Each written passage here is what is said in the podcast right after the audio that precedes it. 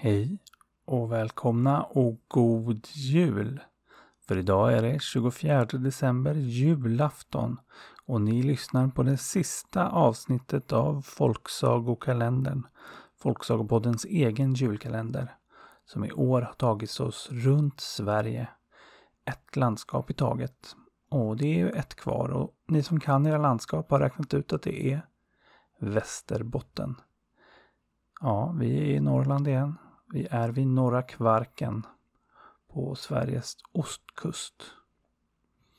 Och här har vi kung Karls spira som landskapsblomma och storspov som landskapsdjur.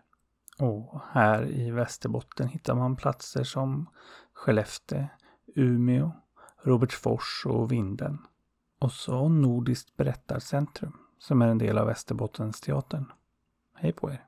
Och innan vi hoppar in i dagens saga, eller sagor, det blir faktiskt två, så här på julafton, om än två kortisar, så vill jag bara säga tack till alla er som har lyssnat. Och till Viktor och Anna och Elin och MC Snack. Och såklart till våra gästberättare som bidragit till att göra den här julkalendern superb, om jag får säga det själv. Och just idag tycker jag att jag får det. Och med det här avsnittet så tar Folksagopodden lite jullov och vi ses igen någon gång i slutet på februari. Men först, två sagor från Västerbotten. Ja, en sak till hörni. Ni följer väl Folksagopodden på Instagram eller Facebook eller ja, nu finns vi faktiskt på Twitter också. Och Youtube. Folksagopodden heter vi överallt. Nu kör vi sagorna. Eller förresten, gott nytt år också. Nu när vi ändå håller på. Nu kommer sagorna. Det var en gång en man som hade fasligt dåligt med pengar.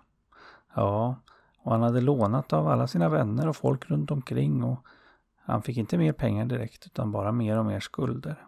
Och till slut såg han inget annat val än att vända sig till självaste djävulen och få låna pengar.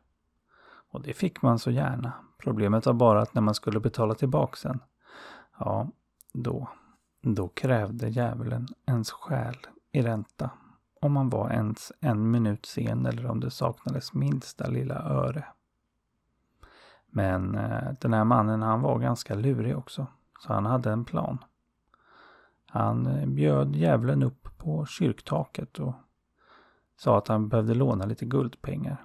Och djävulen han sa att det skulle väl gå bra. Och frågade hur mycket han behövde. Ja, sa mannen. Ungefär så att jag fyller min hatt. Skulle det gå bra? Och då skrattade djävulen. Guld så du fyller din hatt. Det kan du tro att det gör. Jag har så mycket guld så jag skulle kunna fylla den där hatten många gånger om. E jaså? sa mannen. Ska vi slå vad om det kanske? Om du eh, lyckas fylla min hatt, ja då betalar jag tillbaks dubbelt. Om du inte lyckas fylla min hatt, då, då är vi väl kvitt. Och då skrattade djävulen bara och så gick han med på det. Och så sträckte mannen fram sin hatt.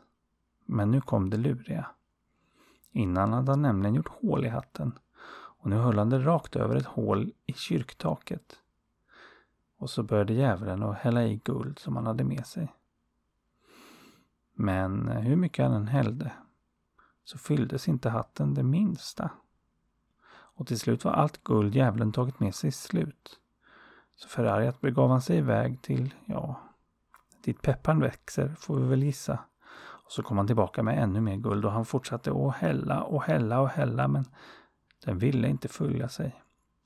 Och ni kan bara tänka er hur djävulen svor där uppe. Det var så att det osade om kyrktaget när han för tredje gången fick ge sig iväg för att hämta mer guld. Och det var faktiskt det sista lösa guldet han hade för så mycket hade han hällt i. Och skulle han få ut mer guld, ja då var det en sjuhelvetes byråkrati där nere. Så det orkade han inte med. Så han hoppades att det här skulle fylla hatten så att han skulle få rejält med pengar tillbaks utav den där mannen. Men när den sista lasset med guld var slut så var hatten fortfarande nästan helt tom. Ja, ett och annat guldmynt låg kvar där på botten. Och djävulen fick helt enkelt erkänna sig besegrad. Och mannen fick behålla allt guld. utan att behöva betala tillbaka en enda krona. Ja, fast en del fick han förstås skänka till kyrkan som han gjort hål i taket på. Men det kanske inte är mer än rätt.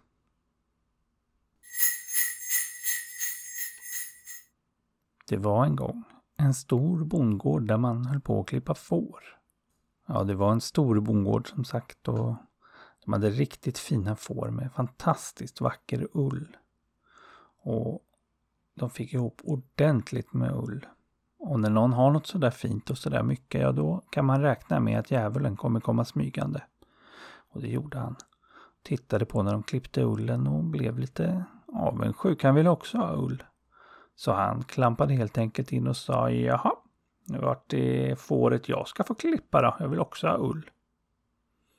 Ja, och det här gjorde ju att de på bondgården kände att det blev lite jobbigt.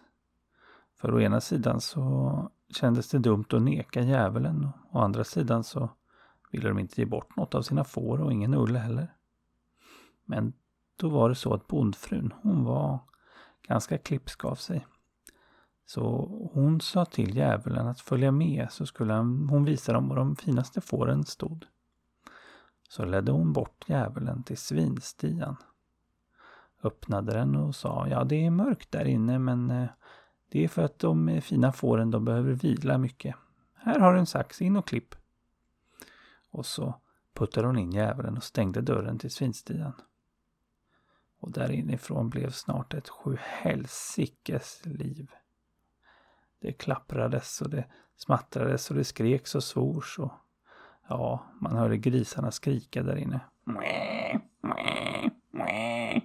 Lät det.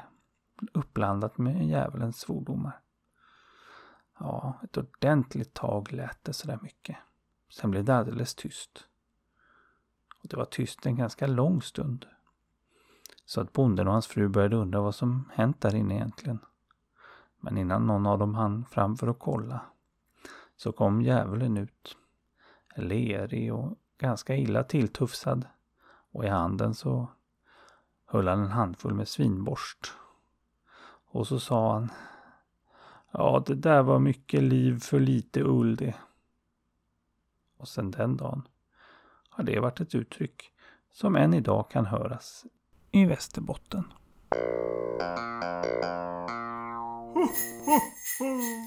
God jul!